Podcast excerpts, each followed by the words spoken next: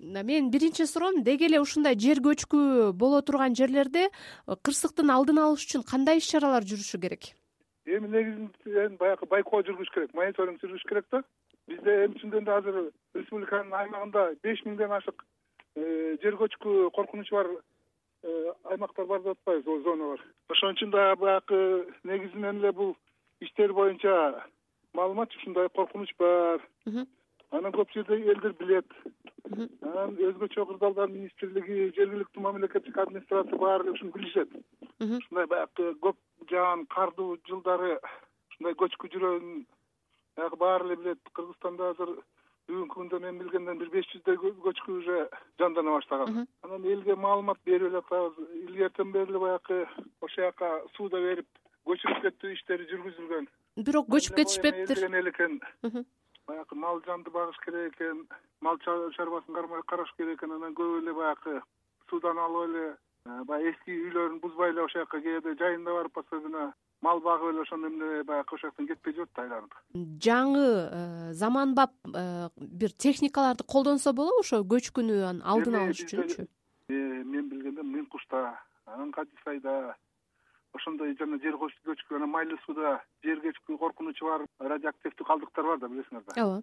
Ошол жерге деген баягы датчиктер коюлган көчкүлөр качан жүрүп кетсе коркунучу бар деп баягы жанагы кыртыштын жылышы ошонун нымдуулугу башка башка характеристикалары боюнча баягы бере турган датчиктер коюлган да.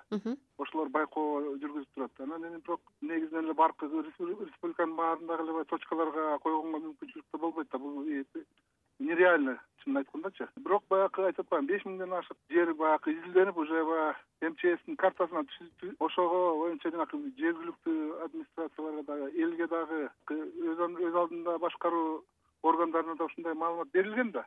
Ушундай жерге турбагыла көчүргүлө иштер жүрүп атат жылда элечи бирок аябай деген элди мажбурлап кыйнап көчүрүүгө болбойт экен.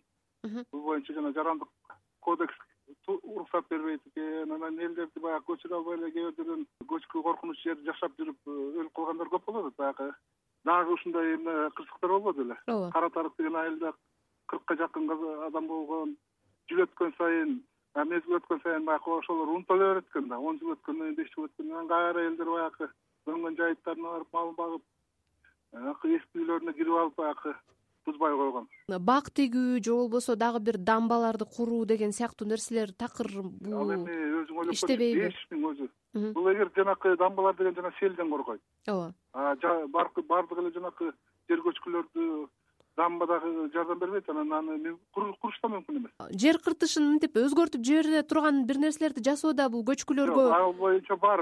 Аякта туура жанакы кээ бир жерлерде баягы мүмкүнчүлүк болгон жерлерге баягы тамыры бийик кете турган э, бактар болот да. Өсүмдүктөр болот ошолорду отургузуп элге жакын турган жерлерде баягы ушундай чараларды көрсө болот. Эми бирок ал деле баардык жерде мүмкүн эмес баягы кээ бир жерде ал андай өсүмдүктөр өспөй коет жашылдандыруу анан жанагы жашыл экологиялык фонд боюнча э, эмне каражаттар берип эки үч жылдан бери ошону жасап атпайбы.